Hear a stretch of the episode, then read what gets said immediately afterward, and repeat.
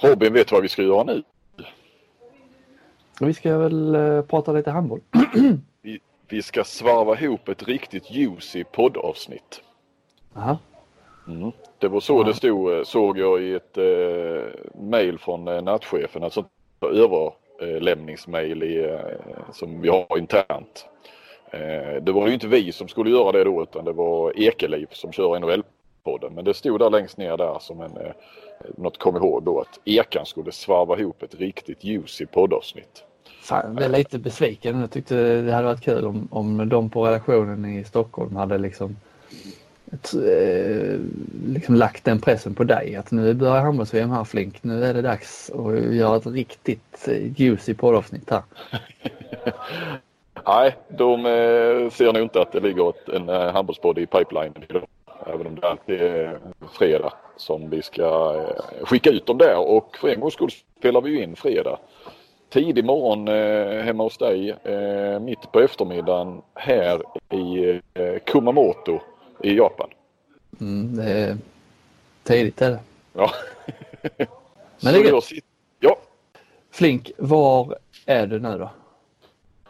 Ja, I Kumamoto som sagt, eh, VM-staden där hela VM eh, spelas faktiskt. Eh, alla matcher. Jag sitter på svenskarnas hotell. Det är dags för den första pressträffen i lite senare här om en och en halv timme ungefär. Och både vi och laget har, eller vi, alltså ja, jo, jag åkte med bilbyrån då, från Fukuoka. Och det gjorde även laget här i förmiddags. Eh, Fukuoka där eh, alla svenska OS-deltagare faktiskt eh, ska ladda till sommaren. På det hotell eh, Hilton, ett eh, enormt hotell. Eh, svårt att hitta i faktiskt. Ja, inte uppe bland rummen kanske, det brukar vara rätt så lätt. Men nere på, på våningen där allting annat eh, låg. Men eh, hur som helst så eh, där kommer de ha det jäkligt bra eh, OS-svenskarna innan de sen eh, åker upp till Tokyo för att tävla. Perfekt. Gick förbi eh, nattklubben eh, Bacon Egg faktiskt. Eh, det var ju lite eh, speciellt. Det såg ut som en nattklubb. Det var inte igång nu. Det var inte natt liksom. Men eh, det, det andades nattklubb och den hette Bacon och Egg. Mm. Eh, jag sitter här och tittar på, eh, läser ikapp lite vad som har hänt under natten och så flödet på Twitter när man precis har vaknat. Jag ser en ståtlig Johan Flink som har en på plats byline eh, på sportbladet.se. Eh, Du ser ren ut, fräsch. Jaha, tack tack. Eh, det var jag inte precis när den bilden togs i, igår kväll för då hade jag ju typ rest i lite över ett dygn här. Men jag ska inte Nej. klaga. Fick ett, fick ett eget fyrasäte på planet mellan Oh. Köpenhamn och Tokyo. Är det en selfie? Det är en selfie ja. Ja, bra. Ser eh, allvarsam ut. ja men man måste ju hålla någon sån här neutral min åtminstone. Man vet ju inte riktigt vad men det kan ju vara en, eh, en dopingaffär eller vad som helst man skriver om. Det ska ju passa till allt. Ja. Även klackisarna lite. Ja. Mm, men här i Kumamoto tog faktiskt bilbyrån en eh, inne i, inne i, Arenan. arenan då. Ja. Eh, som jag tror stod klar eh, 97 till eh, det senaste var VM här. Då var det herrarna som var här. Sverige tog sig till eh, final men förlorade den.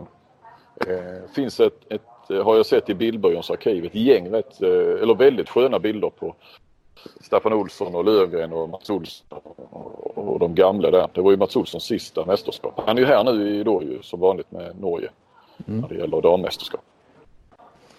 Ja, alltså om vi ska börja den här podden någonstans så är det väl just i Japan och VM vi ska börja den. Eh, du är ju poddens man på plats så att eh, jag låter dig lite välja var vi ska ta vid någonstans.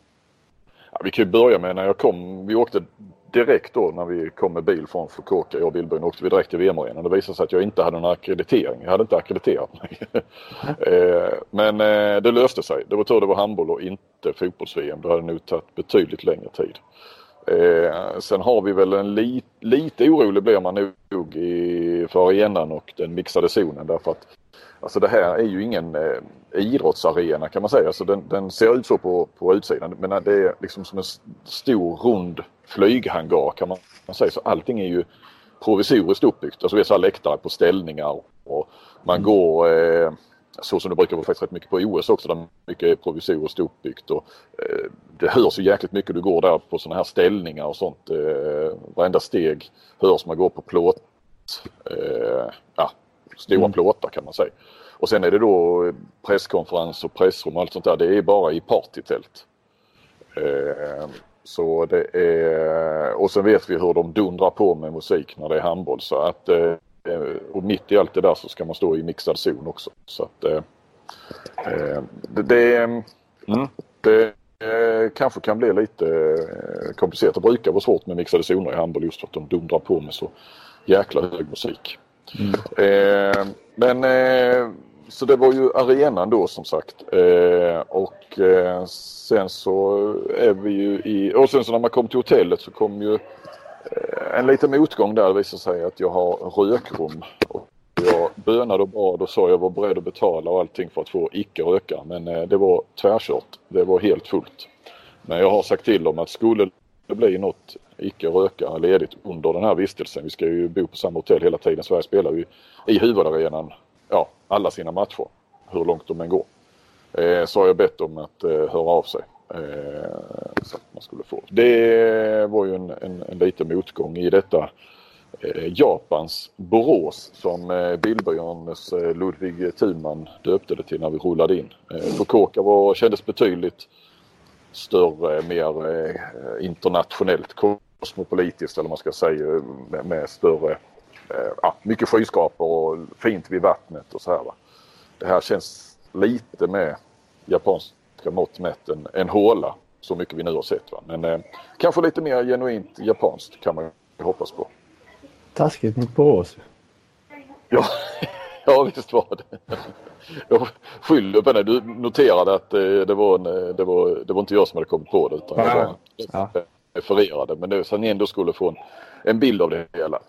Eh, blev faktiskt intervjuad i eh, VM-arenan också. Eh, de såg, var en av få eh, västerlänningar gissar jag så det kom fram en tjej då från en tv-kanal och, och frågade var jag var ifrån. Och från Sverige så började hon faktiskt hoppa jämfota och klappa händerna. eh, eh, det, det, mer vet jag inte just men hon var glad då att det var väl något, något nytt land som hon inte hade pratat med någon ifrån. Så att eh, vi intervjuade där av hela, det krävdes fyra personer. Det verkar finnas eh, resurser fortfarande i, i japansk media. Det var hon då som höll i mikrofonen, så var det en ljudtekniker, det var en kameraman och sen så fick ju en i, i eh, organisationsstaben rycka in som eh, tolk också. Eh, så hon som ställde frågan hade ingen aning vad jag svarade. Hon bara ja, ja, ja, liksom så.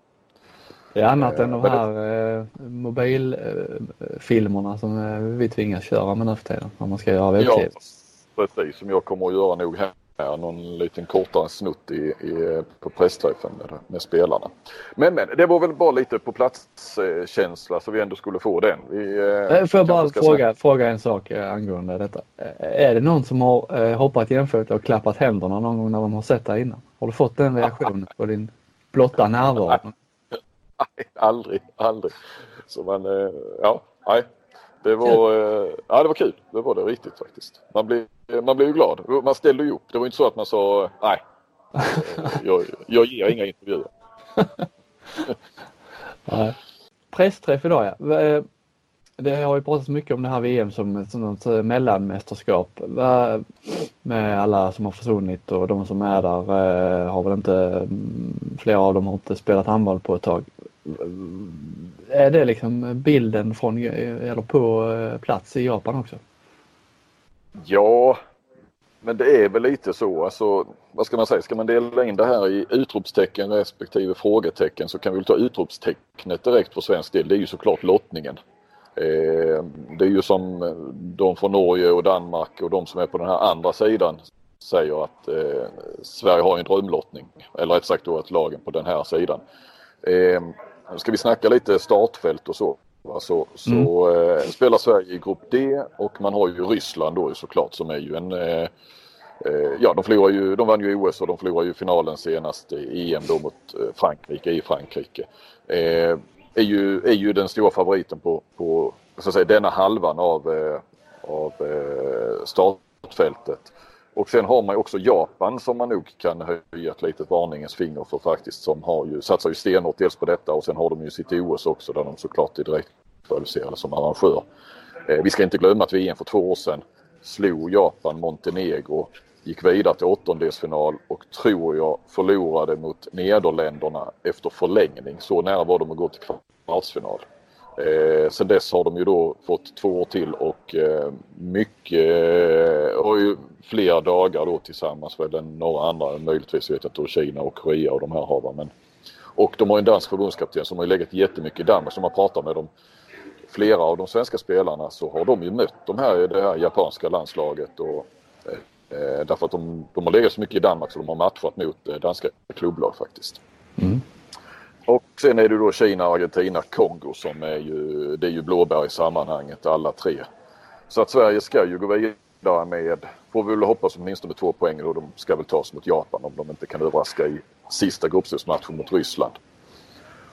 Och sen så går man ju då mot Rumänien, Ungern, Montenegro och kanske Spanien, eller rätt sagt tre av dem då.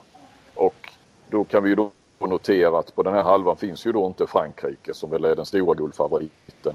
Här finns inte Norge, här finns inte Nederländerna som i princip har prenumererat på semifinalplats de senaste åren. Eh, Danmark, Tyskland, Brasilien är också på den andra sidan. Eh, så att eh, det kan man väl kalla en drömlottning. Eh, tittar vi också lite på, på de Sverige hamnar då i mellanrundan. Det är ju inte eh, de har ju gått tillbaka nu här så det är mellanrunda och inte åttondelsfinal och kvartsfinal och sånt som det var i senaste VM när Sverige faktiskt gick till semifinal och bronsmatch. Ehm, så är det ju ändå att Rumänien har ju den här dopningsskandalen, har ju tappat några riktiga nyckelspelare där även om Niago är tillbaka. Men det är ju lite som så här Guldén, eh, Blomstrand är ju också tillbaka efter eh, skada eller operation då på Blomstrand. Eh, Niago korsbandsskadades ju väl i EM senast tror jag. Hon mm. kom ju tillbaka. Hon är väl längre, hon har ju kommit längre i, eh, i sin återkomst än vad Guldén har spelat lite mer. Va? Men Ungern eh, är ju liksom, det är ju faktiskt rent klubblagsmässigt en stormakt i, i damhandbollen. Men har ju haft svårt att få till det de senaste mästerskapen, eller på rätt många år nu. Och så har vi Montenegro, det är kul med Per Johansson. Eh, förlorade ju Sverige mot eh, EM senast. Eh, och så Spanien där. Så att eh, det, det, det, är ju faktiskt lag som, som även detta Sverige, eh, eh, nya Sverige, såklart absolut kan slå om man eh, kommer upp i kanske riktigt bra nivå. Men de kan ju också förlora mot alla de här lagen och frågan är om det krävs ju nog ett, två segrar kanske i mellanrundan eller tre poäng i varje fall eh, för att ta sig till en semifinal och det är ju frågan om man kan komma upp i den nivån i så många matcher. För vi vet ju också att de kan ju tror lägstanivån tyvärr är ganska, det är ganska ojämnt eh, eh, det svenska damlandslaget. Men det är rätt kul att eh, de har nu, om det är lite frågetecken så truppen, det är rätt kul att de har fått den. Alltså att det känns som att det kommer leva ändå. Ja. Alltså det hade varit skillnad om de hade fått lite otur och så hade de gått in i mellanrundan med noll poäng och det hade liksom varit godnatt tidigt. Men det känns ju ändå som att man kommer ha möjligheter eh, rätt långt in, alltså de två sista matcherna i alla fall fortfarande, att man kan eh, vara med då. Det är ju rätt kul. Ja, men det är ju så, så sätt så det är ganska verkligen ut på förhand innan vi har sett dem spela, innan vi har sett de andra lagen och så. Men på förhand känns det ju som fiasko, jättefiasko om man inte tar sig vidare såklart. Eh, eh, från första gruppspelet. Det, det, det kan ju få inte hända. Eh, går man vidare med, med två poäng och eh, kanske sen tar några matcher för att spela en match från femte eller sjunde plats så är det ju klart godkänt och skulle man ta sig till semifinal så är det ju en eh, succé. Så att det är ganska lätt att sortera in det någonstans eh, resultatmässigt. Sen ska vi ju se hur man presterar också. Mm. Eh, och hur det verkligen ser ut och hur man vinner och förlorar matcherna så att säga. Så att, eh, innan vi vi sätter ju betyg efteråt. Det är väl eh, kanske lämpligt. Det är väl bättre tror jag. Ja, jag tror också det. Eh, det var utropstecknet kanske. Tittar vi på frågetecknen så går det inte att komma ifrån att halva truppen, åtta spelare, saknas sedan det här laget, från det här laget som gick till semifinal i VM för två år sedan. Eh, och till det då, vi vet ju ungefär vilka som är borta. Men det är alltid från lagkapten Sabina Jakobsen till eh, ja, Jenny Alm, Louis Sand, eh, Daniela Gustin skadad. Alltså några av de här ska ju komma tillbaka. Bunsen gravid och så va. Men eh, det är också några som, som har eh, lagt av. Eh, både med handboll eller i eh, ja, landslaget och så. Eh, och till det då av de som är här så ska vi ju komma ihåg att Guldén letar ju efter formen, vet ju inte var hon står. Eh, Eh, och vi vet hur viktig hon är. Eh, Hanna Blomstrand jobbar ju också för att komma i form efter sin operation. Hon är ju klart före, längre fram än Guldén. Eh, vi har Hagman som har gjort 17 mål på 13 matcher i danska ligan. Det är inte mycket för att vara en eh, att vara Hagman och en eh, målmaskin. Även om hon säger att känslan är mycket bättre än för ett år sedan när hon verkligen var i frysboxen i, i eh, Bukarest. Då, va? Men eh, hon har inte så mycket speltid i, i, eh, i Danmark och eh, har... Eh, där går hon ju nästan bara högernia, spelar inte försvar så hon får inte med sig kontringarna och så. Va? Men, och Hagman är ju ändå en notorisk målskytt i, i landslaget. Så att det finns ju lite sådana frågetecken och försvaret, det kommer ju bli ett annat försvar utan Jakobsen som lite långsammare men som liksom styr och ställer. Eh, jobbar på ett annat sätt än vad förmodligen då blir det väl Blom och Lagerqvist och då ska det bli ett, det kommer att bli ett annat mer aggressivt försvar. Men å andra sidan kan man få ett annat tryck i kontringen eftersom det inte, behöver inte bli ett byte anfall-försvar eh, som, som var det naturliga med Jakobsen. Så att, eh, eh det ska till ett litet nytt försvarsspel så får vi se hur långt de har kommit och Signell har ju flaggat för att de kommer ju använda och det måste de eftersom det är liksom till vissa delar ett nytt lag och spelare som ska komma i form. Att de använder de här framförallt två första matcherna mot eh, Kongo-Kinshasa och Kina, Kina eh, i eh, början på VM då som lite inkörningstid också. Det kommer inte utkristallisera sig någon första uppställning från eh, senare under VM, kanske till Japan-matchen eller om inte annat så till, till Rysslandsmatchen. Mm. Eh, när är första matchen nu Flink? Det kanske vi ska nämna. Ja, den är ju på lördag och den börjar halv ett er tid. Det är på kvällen här då. Sverige spelar ju sista matchen eh, liksom i programmet. Det är ju tre matcher i hallen varje, varje matchdag alltså. Så Sverige spelar den sista. Det är rätt kul. Du var inne lite och nämnde det, eller nämnde det där eh, nya försvarsspel och så. Nya, nya spelare i mittförsvaret. Det är rätt kul generellt att det är, nu när det är lite frågetecken på truppen så, men det är, det är ju ett nytt Sverige. Det, det, jag såg att du också hade tyckt det. Det är lite kul med nya spelare generellt, är det inte det? Alltså roligt för dig också och ja. att det händer något. Ja men jag tycker det för jag, jag får nog lov att erkänna och det kanske eh, ligger på mig sådär va men att det, det, har ju varit väldigt mycket samma lag i många år, samma stomme som kanske skiftat en, två spelare sådär. Gustin har kommit in och lite så va men men annars känns det som det har varit ja, exakt samma spelare. Och, jag vet inte, jag har kört fast lite med dem tycker jag nästan. Eh, rent i, så här med, ah, det, liksom man, man eh, ja som sagt jag ska inte lasta dem egentligen men det har inte sprakat om, om eh, de här spelarna tycker jag. Eh, de senaste åren. Och då har man ändå upplevt, eller eh, det har känts som att de Eh, att det har sprakat men har inte gjort det. Tycker jag då, jag, nu pratar jag ju liksom i mixationer i pressträffar. Det är kanske de som är, det är kanske mitt fel. Det är kanske jag som eh, ställer fel frågor eller eh, dåliga frågor eller att de har tröttnat på mig eller så. Va? Men eh, jag tycker det är kittlande med lite eh, nya ansikten. Eh, faktiskt. Mm. Vem tror du blir eh, nyckelspelaren. Eh, när det liksom eh, inte bara var eh, som Guldén och så är vi såklart en nyckelspelare. Men vem tror du liksom eh, kommer att vara den som eh, presterar bäst? Vem är viktigast? Ja, det går inte att komma ifrån eftersom hon är målvakt och eh, Filippa Idén och för första gången är eh, första målvakt. Hon är ju faktiskt uttalad eh, första målvakt och det har de inte haft tidigare för då har de haft eh, målvaktspar, eh, Bunsen, idén och eh, vägrat ut, utse någon första mål. Och det har det inte varit heller har det ju visat sig. De har ju verkligen skiftat.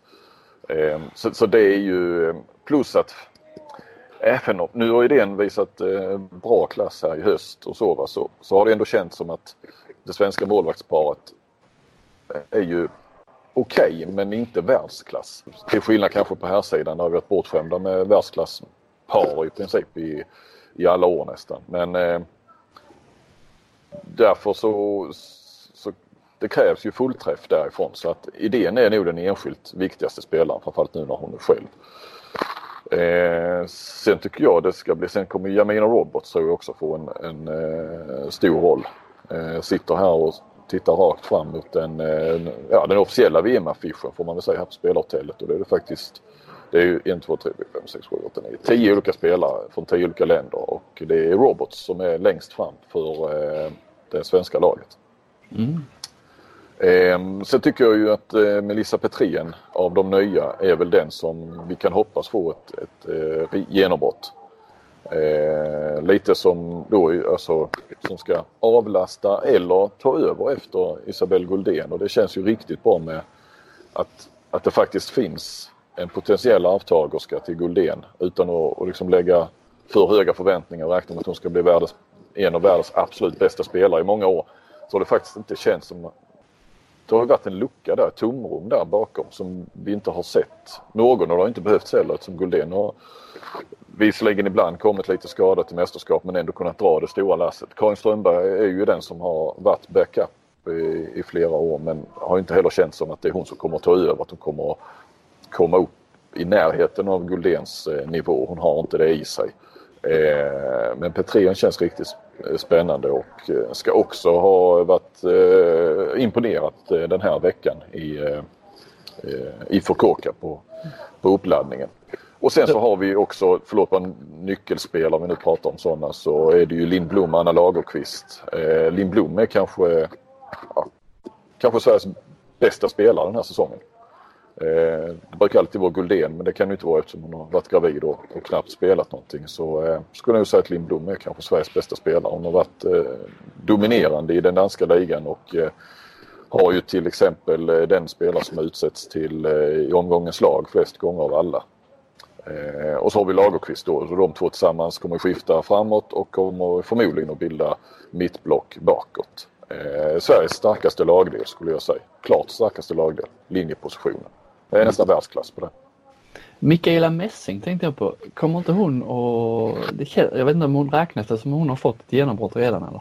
Annars känns det som att hon... Eh, ja. Den spelartypen är liksom... Eh, där är hon nästan själv nu och... Mm. Alltså det, det känns som att hon... Eh, det, det, känns, det kommer att explodera där. Jag tror ja. stenhårt på, på Messing på det här mästerskapet. Eh, absolut, för Roberts är ingen 60 minuters spelare eh, och eh, bakom henne är ju nu bara Messing. Thorleifsdotter eh, petades ju igår eh, och det var ju inte helt, det var ju Ja, det var ju väldigt, väldigt väntat att, eh, att det var hon som skulle bli reserv på plats här. Eh, så absolut Messing kommer ju få, jag tycker inte hon har fått ett riktigt genombrott. Hon var med i EM senast men eh, hade ju ingen större roll där. Hon kommer få en större roll nu. Absolut. För det har alltid varit så många spelare där på den positionen så man har liksom inte fått något grepp om vem som är det har varit olika spelare hela tiden som har, men nu är det liksom två tydliga, alltså två tydliga som kommer att turas om hela tiden. Det känns som att de kommer få mer, eh, mycket mer speltid än vad de eh, normalt sett får på ett mästerskap.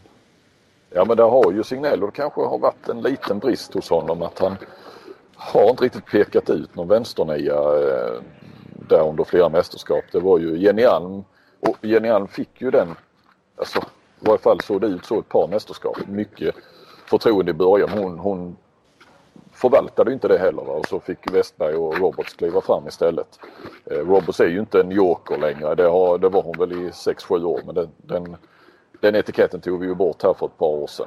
Eh, och så har det varit Westberg då också eh, som har gjort några riktigt bra mästerskap. Så att, eh, Nej, eh, det, det, känns som lite tydligare nu på vänsternio, det håller jag med eh, oh, Nu joggade Daniel Ek, eller eh, nu gjorde inte alls utan Janne Ekman, hans farsa. Joggade mm. förbi här för att hinna in i en välfylld hiss med svenska spelare. Eh, så Guldén kommer med en liten barnvagn också så att eh, tillsammans här nu igen med Lias, grabben. Kommer det bli eh, många bebisvinklar nu under VM? Det hoppas jag inte. Eh, vi körde ju en där då att de skulle med eh, till VM. Eh, det får väl, nej det ska inte säga att det får räcka för rätt vad det är så har man väl skrivit ett par stycken. Men, ja, men det var rätt kul tycker jag. Med ja, men den, ja, den där det, puffen de gjorde var ju riktigt rolig. De gjorde uppe i Stockholm. Kul med lite nya ansikten. Ja. Leia som noll år och eh, nu tappar jag, var det Wilton? Nej nu tappar jag namnet på ah. Lindblom. Mm. Eh, men det är ändå lite speciellt att eh, förbundet betalar för eh, ja, två rum extra då där de bor med, med pappa respektive mormor och morfar då. Mm. Eh, så tyckte jag ändå var värt att, att göra den bebisvinkeln. Mer film? Eh, nej, jag kan väl berätta här nu. Det kommer vi ju ha. Det kommer, den artikeln kommer att vara ute när eh, det här publiceras för att den ska ut när som helst. Sabina Jakobsen kommer till VM. Mm. Smaka på den.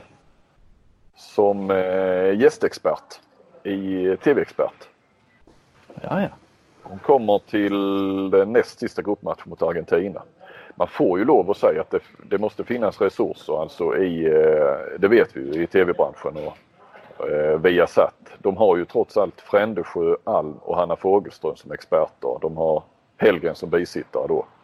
Mm. Och eh, när de nu fick möjlighet då med Jakobsen så, så flyger de alltså hit henne och, och, jag vet inte riktigt. Hon kommer på onsdag vet jag och eh, om hon sen stannar så länge Sverige är kvar det vet jag inte. Men hon ska analysera mo motståndarna Eh, så att det är inte bara det liksom att hon ja, finns på plats eh, i, hemma i Sverige eller att man ringer upp henne och så utan de tar hit henne för att eh, vara en av fyra experter och analysera motståndare.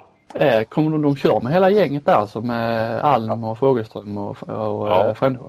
Mm. Jag tror all, jag tror, jag tror, det vet jag inte, men att det är som tidigare att Frändesjö kör hela mästerskapet. Alm och Fogelström är väl inte här samtidigt utan har delat upp det. Eh, och är väl kvar så länge Sverige är kvar i varje fall. Eh, alltså en av dem. Jag vet inte vem som börjar av dem faktiskt. Vem är programledare? Studiovägledare? Susanne Sjögren. Ja, det är det.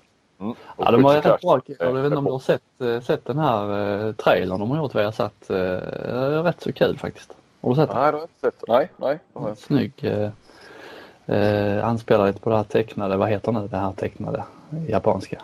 Anime eller manga? Jag är lite osäker på vad som är vad när det gäller den japanska eh, tecknade filmen. Men eh, de anspelar lite på det med handbollen. Rätt snyggt ja, är det, det jag satt. Mm, det lovar ju gott. Ska vi bara så här spontant på uppstuds eh, lova en eh, podd eh, nästa vecka också? Är det inte läge för det? Det är väl i sin ordning.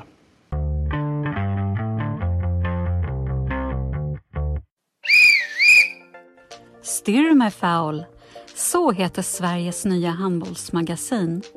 120 mastiga sidor med reportage som går på djupet. Från landslagsstjärnorna i de största arenorna till division 4-hjältarna i de slitna gympahallarna. Läs även krönikor som sticker ut och personporträtt med våra största profiler. Teckna din prenumeration på styrmefoul.se så går 10 av kostnaden till valfri svensk handbollsklubb.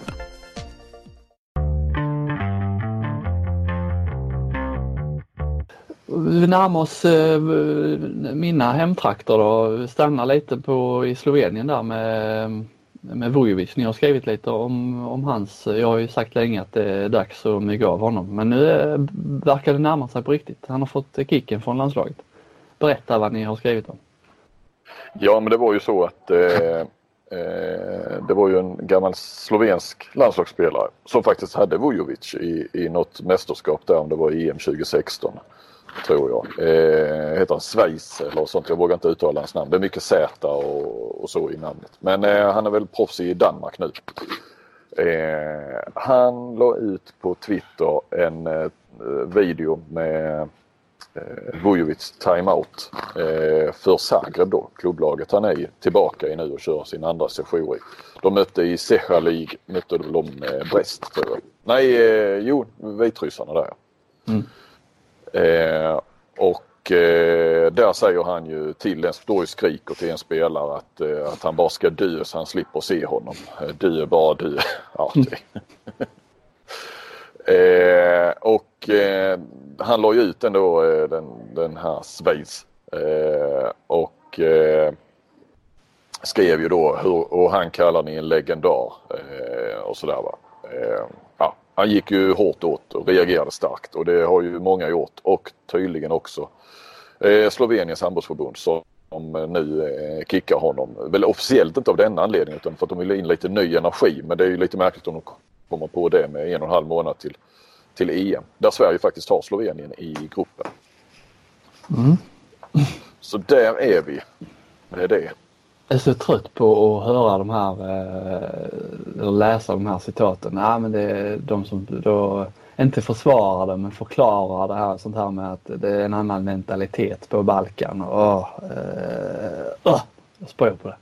Ja, på tal om Vujovic, eh, när jag hade skrivit eh, den här artikeln om hans eh, utbrott i timeouten där så fick jag ett, ett mail från eh, Anders Björk, en eh, ja, gammal eh, en handbolls eh, eh, kille och tidigare tränare som tidigare mejlat mig och bland annat nämnt att han har varit med länge i gamet så att säga och har lite gamla anekdoter. Så när han nu läste den här så kom han tänka på en, en story om Vujovic.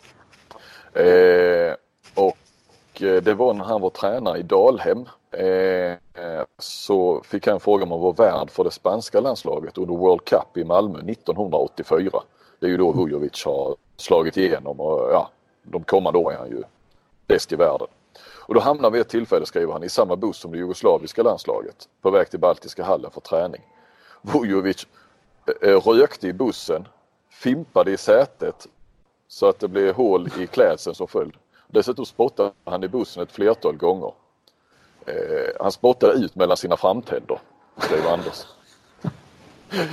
Det gjorde han även i matcher, på planen och i ansiktet på motståndare. Men där ville han att jag skulle få det verifierat av eh, någon svensk gammal landslagsspelare. Så han, han bad mig kolla med Helgen men jag har faktiskt inte blivit färdig till att, att kolla detta med Helgen under de här dagarna. Det är ju, först reste jag och sen så reste ju helgen. Han är på väg hit nu tror jag. Och innan dess så, så blev jag inte riktigt färdig till det. Så att, eh, vi, låter det vi låter det vara osagt huruvida han spottade på planen. Men eh, ja, sitter han och spottar i bussen och, och så så, eh, så eh, ja.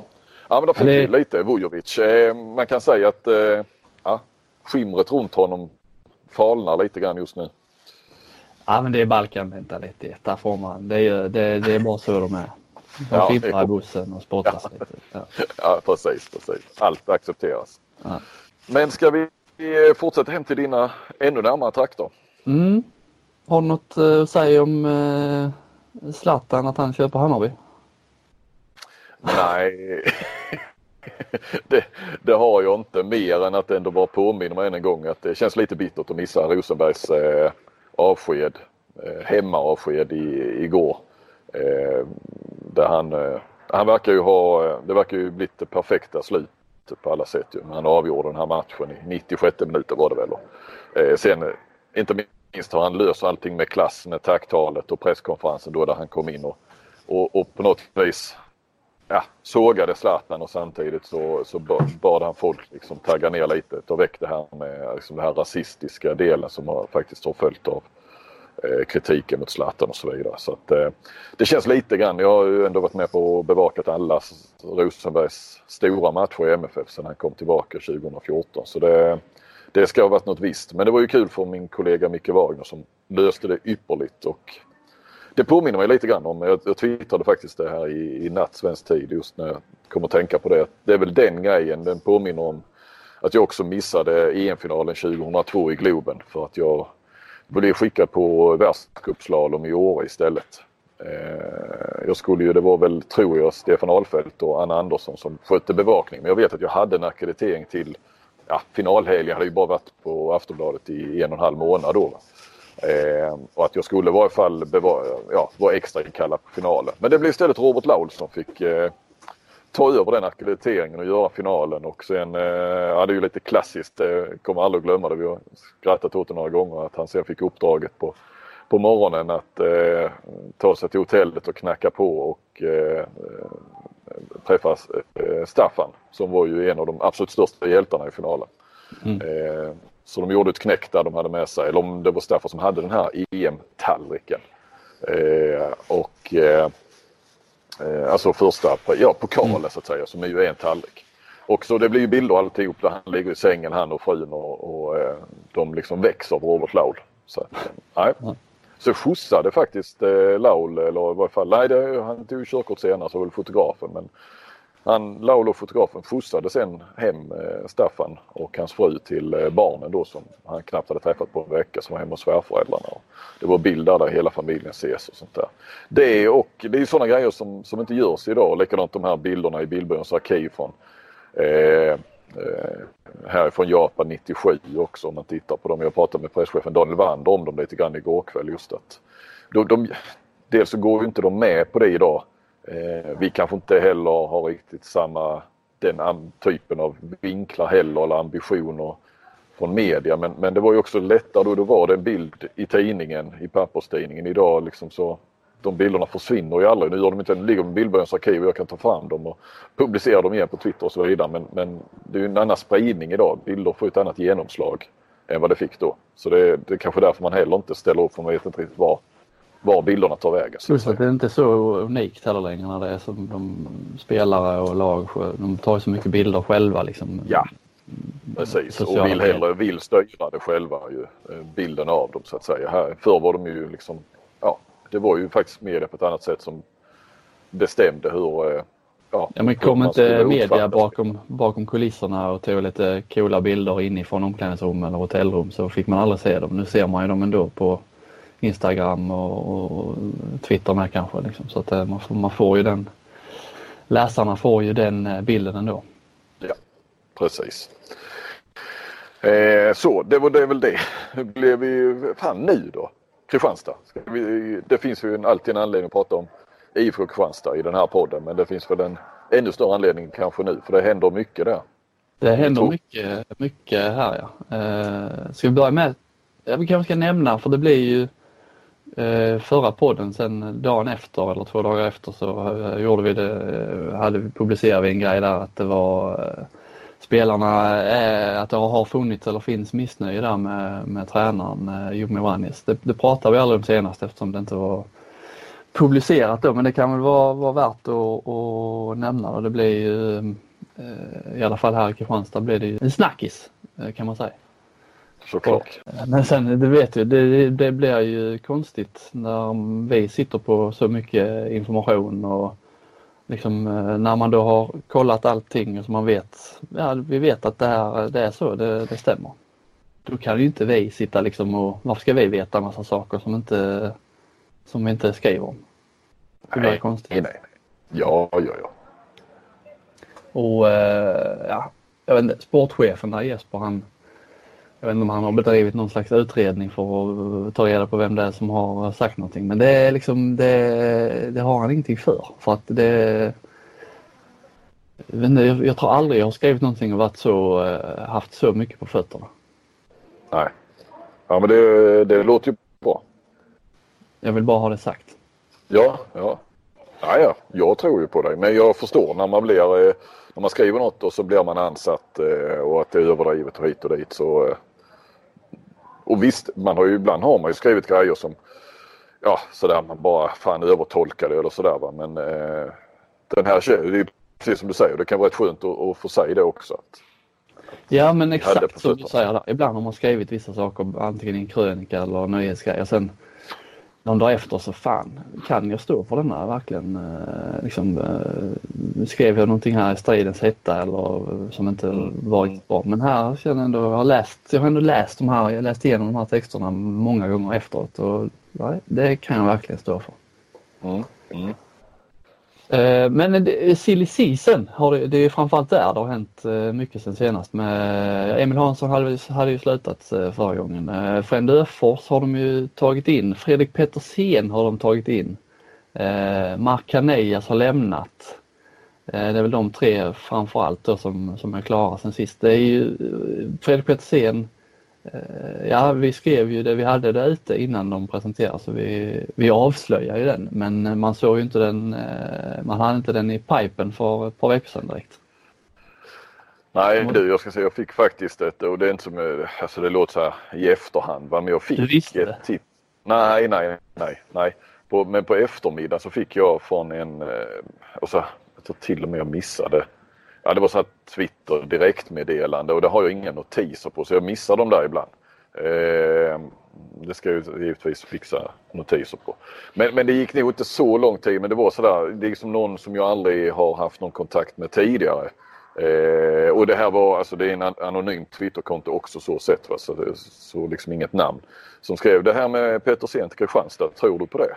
Och jag bara, alltså jag kände bara så här, jaha är det någon som Ja men du vet ibland får man känslan faktiskt att någon hör av sig lite för jäklas för bara att man ska, då ska man liksom, alltså i min roll så ska man börja undersöka det och så visar det sig eh, inte vara någonting alls eller du vet sådär, eller någon som ska kolla eh, Ibland får jag den känslan bara, jaha skriver, alltså så vi kollar om, om vi verkligen kollar upp tips eller om man bara skriver det utifrån ett anonymt tips och det kan jag ju då säga att det gör man ju inte. Man vill ju ha, eh, man vill ha mer på fötterna ju. Mm. Men eh, så jag liksom bara lite sådär svarade bara nej, eller typ så nej det tror jag inte. Eller så att den hade fått den bakfoten och jag hade Anna, jag jobbade inte och jag liksom, det var så, det var sånt långskott faktiskt. Att man, eh, eftersom jag inte visste vem källan var, eh, att, att liksom börja rota i det. Och jag hade inte hört någonting om det heller eh, innan dess. Det fanns inget rykte heller, inte hos mig i varje fall. Så därför Nej, blev jag lite Eh, sen kom det väl nästa dag då så att det, det, var, ja man kan säga det var miss men det var inte heller så att man den, den kom så, det, där snackar vi bomb får man ju lov, ändå lov att säga just med, med Petersen som flyttat hem, liksom, eller flyttat hem, han har väl bott i Ystad då hela tiden, sen flyttat till Sverige. Men hem till IFK Ystad och hela den biten. Eh, och så helt plötsligt växla upp då till IFK Kristianstad och värvad som mittnia också. Eh, Ja, det är liksom uh, mittnia när ja, han, alla pratar om det här OS 2012 och så men det, var, det är ju liksom det är snart åtta år sedan som han uh, liksom gjorde ja. något slags avtryck på nio meter. Uh, så vet han gjorde det bra men det var ju nödlösning i några matcher bara ju. Ja. Ja, jag vet inte, jag skrev någonstans där. Det, liksom, det känns som att visst värvar de honom som en avlastare som eh, ska bidra med andra saker i truppen än eh, bara spelmässigt så eh, hade det väl varit fine och så. Jag hade trott att de skulle ta in honom nu direkt. Därför kändes det logiskt när jag hörde det först att Ja, Kaneas försvinner ju och de har inte så mycket spelare som de en gång har haft där på. Kaneas och Emil Hansson har försvunnit ju. Eh, så då kändes det rätt logiskt ett tag där att, ja, alltså att om man tar in honom resten av säsongen där som en avlastare. Men sen när det kom liksom tvåårskontrakt, han kommer inte från nästa säsong. Då fick man helt plötsligt bilden av att han är eh, den spelare som Kristianstad ska bygga sin 9 uppställning på. Och då blir man lite eh, mer tveksam. Mm. Eh, men visst, man får ju, det är lite för tidigt att döma där. Man får ju se vad, vad de tänker sig i övrigt på. Det är ju många, mycket som hänger i luften där med utgående kontrakt på Henningsson och Ola får också Tater på högernio. Så att det, det... Ja, och Frej, Frejman kommer väl inte att... Och Frejman kommer inte vara kvar nej, eh, nästa säsong. Jag tror väl ändå att han stannar i alla fall säsongen ut. Annars är det ju rätt ovanligt att Eh, man ser liksom två spelare som lämnar så här mitt i. Eh, inte ens halva säsongen är spelad. Men de vill ju ha Petersen. Ville ju, eller sen när de liksom, kontraktet var klart va? Eh, då nästa säsong så har de ju velat få honom direkt. De ville ha honom direkt ja men det blev ja, ja. som jag fattade så blev det blankt nej från både Seifert och ledningen där i IFK Han var ju lite sugen men Petersen lät som när jag pratade med honom. Mm. Och dra direkt. Men jag förstår ju verkligen IFK Ystad. Okej, det skulle vara lite mer pengar in och de har inte... De har sämst ekonomi i, i, i serien men det... Annars, varför skulle de bjuda på det så att säga? Ah, det är ju ändå en konkurrent. Där IFK Ystad slåss om kanske en finalplats så är det ju ändå en... Det är ju en konkurrent. De är väl ändå femma, sexa i serien. Ja, och så mycket pengar tror jag inte att det skulle Nej. röra sig om så att det liksom äh, räddar upp deras ekonomi på något sätt. Nej, nej, nej. nej. Det skulle det inte göra. Fränd Öfors var med sig var eh, eh, en liten Alltså det är oväntat att han, i och med att han är förkni så förknippad med Alingsås, att, att han eh, när han kommer hem till Sverige igen att han eh, eh går till Kristianstad och inte Alingsås. Alltså Alingsås är ju fortfarande ett eh, topplag och eh, ja, nu leder väl inte serien, det är väl tillfälligt eh, kanske men eh, eh just att han pratar dem och de var ju rätt, Christer Mårtensson var ju rätt besviken där uppe i Alingsås att han inte att inte de fick chansen att eh, buda hem Frän där. Mm. Oväntat. Men samt, samtidigt tycker jag just med Frände Öfors att det är ju den typen Alltså de, nu gör de det i Kristianstad när de är sämre än på, på många år. Även om nu spelet har börjat se bättre ut men rent placeringsmässigt, resultatmässigt. Annars är det ju den typen av värvningar. Ja, dels har de ju gjort det lite. Helge Freiman var ju lite grann en sån också. Sen mm. blev det inte så lyckat. Men det är ju den typen av värvningar man har trott att Kristianstad skulle kunna göra. Lite som MFF i, i, i fotbollsallsvenskan. Och för den delen nu är det flera svenska klubbar som tar hem spelare. Det gör ju Norrköping, AIK, Hammarby och så vidare också. Men, men just att ändå ha de musklerna och ha den attraktionskraften. Att, att den typen av spelare mitt i karriären som borde ha några år till utomlands väljer att komma till Kristianstad och få spela Champions League och sådär. Men allt det där är ju osäkrare nu med Kristianstad. Champions League till nästa år till exempel. Mm. Nej, nej verkligen. Det, det känns som att det är en, eh, om de har haft lite strul eller problem med att värva rätt spelare så Fem känns det som att eh, han är någon slags garanti för att eh, det, blir, det kommer bli bra. Liksom.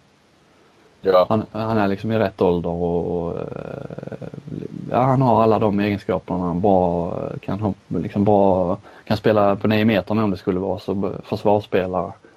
Eh, ja, det känns som en trygg värvning. Mm. Ja det är det, mycket bra. behöver Jesper Larsson. Jag läste han skrev just det här med kontraktsituationen är ju det har ju liksom hela hösten har ju i princip handlat om det. Eh, att det är så många spelare som, som riskerar att försvinna. Eh, de har ju sånt här eh, IFK Play har de ju. De kommer ut med, det är typ ett matchprogram i, som skickas ut tillsammans med Kristianstadsbladet inför inför varje hemmamatch i handbollsligan. Där har de ju en egen kanal kan man säga. Där hade Jesper skrivit en krönika där. Där han tyckte det var ett så intressant skrivet. Jag citerar honom här då. Det har skrivits en hel del om just detta och jag kan bara säga att det ofta är media som drar igång någon sorts hysteri kring det. Absolut är det så att vi vill vara klara med truppbyggande tidigt men det kan inte vara meningen att det är media som styr när vi skriver kontrakt med spelarna. Var inte det lite oväntat skrivet? Jo, det var det. Det var det. Det var väl inte så... Eh, nej, det var nog inte så bra. Som att han inte skulle skriva kontrakt med spelare om inte vi hade börjat ställa frågor till honom. Jag fattar inte. Ja, nej. Uh, nej, jag, tyckte, jag tyckte det var uh, anmärkningsvärt. Alltså de har, eh, och det är väl tur då för dem att vi har börjat ringa för att det, liksom, det brinner lite i knutarna om man vill förlänga med nyckelspelare som Olof Gudmundsson och ja, Tater på höger. Alltså det är många spelare som nu väntar de väl in, vill väl sagt vänta in sin EM-prestation där och liksom, det känns som att de mer aktivt letar andra bättre alternativ än vad de har gjort tidigare. Mm. Och det tyder på. Så du får vi säga varsågod då till Jesper för att vi är på honom så att, han, så att Kristianstad får tummarna loss och, och börja förhandla med spelarna. Hey, I'm Ryan Reynolds. Recently, I asked Mint Mobile's legal team if big wireless companies are allowed to raise prices due to inflation. They said yes. And then when I asked if raising prices technically violates those onerous two-year contracts, they said, what the f*** are you talking about, you insane Hollywood ass?" So to recap, we're cutting the price of Mint Unlimited from $30 a month to just $15 a month. Give it a try at mintmobile.com slash switch. $45 up front for three months plus taxes and fees. Promoting for new customers for limited time. Unlimited more than 40 gigabytes per month. Slows. Full terms at mintmobile.com. Ja. Sen senast, eh, vi måste nämna eh, det ändå att eh, Carlén blir presenterad som ny tränare Öysta IF. Lite, ja. lite udda får man säga att det är den nuvarande assisterande tränaren som ska ta över efter den eh, nuvarande huvudtränaren nästa säsong. Det är en situation som eh, de måste i alla fall ha pratat om och funderat på hur det här ska gå resten av säsongen. Jag menar, eh, ja. ja, Hallbäcks roll liksom förminskas ju hela tiden. Mm. Jo, det är en situation att hantera onekligen. Oskar Karlén kommer väl att bli den inofficiella huvudtränaren redan nu känns det som. Mm, mm. Nej, det är helt rätt. De, det gäller att de snackar ihop sig annars så kan du ju, alltså jag menar tänker tränarna emellan så att det inte blir, ja och det ska de väl alltid göra men alltså, om det skulle vara liksom lite olika åsikter ja då lyssnar ju snarare spelarna mer på Oskar Karlén i så fall i det här läget ju. Och, mm. och framöver. Annars tyckte jag det var rätt så, eh, Handbollskanalen hade några dagar där, där de, eh, de avslöjade först Ystad IFs önskelista där med nya tränare med där Nikola Jakobsen fanns, där Sten Tönnesen fanns, där eh, Staffan Olsson fanns. Och sen eh, någon dag senare så avslöjade de faktiskt att Kalén skulle vara ny huvudtränare. Och då liksom, tog de nästan heder och ära av sin egen, sitt eget avslöjande några dagar tidigare när de skrev att ja, eh, Nikola Jakobsen, eh, det var ju såklart en utopi att de skulle ta honom. Varför skrev de ja. Varför avslöjade de då att han var ett aktuellt? Det jag hört i den där frågan sen, eh, alltså så, det hörde jag faktiskt för någon par veckor sedan, det är att Stian Tönnesen ska ha fått någon form av fråga i varje fall. Från mm. Ystad IF. Sen så ska inte jag slå fast här att han, att han var första valet och så, men det, för flera veckor sedan så ska han ha fått en, någon form av intressefråga. Det är den informationen är jag ganska säker på. Sen, sen, sen hur de jobbade, liksom, om de slängde ut lite krokar och så, det, det vet jag inte och det, det vet väl bara eh, Mackan Lindgren och de i, i led, klubbledningen där. Men eh, man skulle kunna tolka det som att eh, ändå att Tönnesen var ett, ett namn högt på listan och att han tackade nej.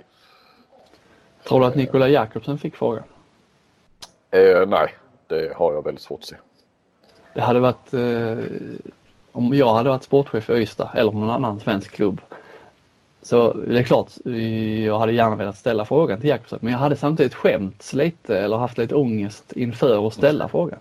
Ja. Alltså man vet att äh, han kommer kanske inte vilja komma till oss men vi vill ändå ställa frågan fall i fall. Mm.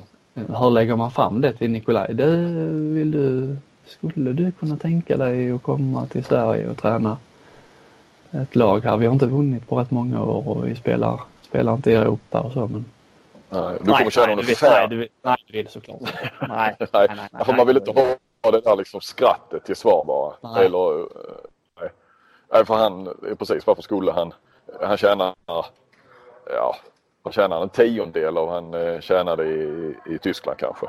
Och eh, borde väl ha rätt många alternativ också om han skulle vilja bli klubblagstränare igen. Ja. Ja, man vill inte hänga, man, liksom, man lägger upp ribban så högt. Man vill liksom inte bli, man vill inte bli dissad så man, man vill ställa frågan på ett sätt som om man får ett nej till svar så ska man kunna säga, ja men vi skojar bara.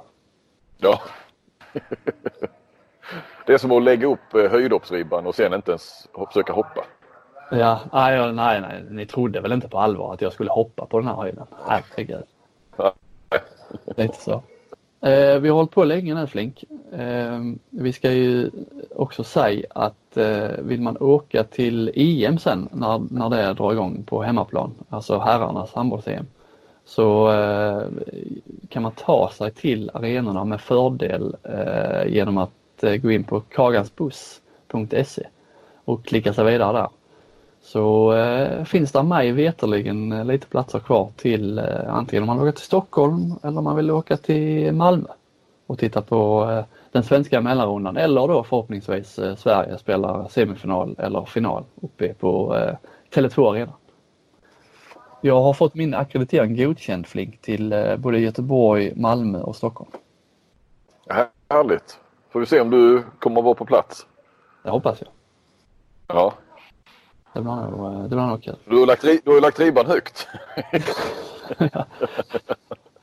nej, jag skojar. Ni trodde väl inte alla att jag skulle åka till Stockholm och titta på eh, handboll? Nej, nej, nej. Nej, precis. nej. Eh, då, det vankas pressträff nu Flink. Eh, du ska få förbereda, ja. förbereda några vassa frågor eller eh, fram med mobilen och filma och så här.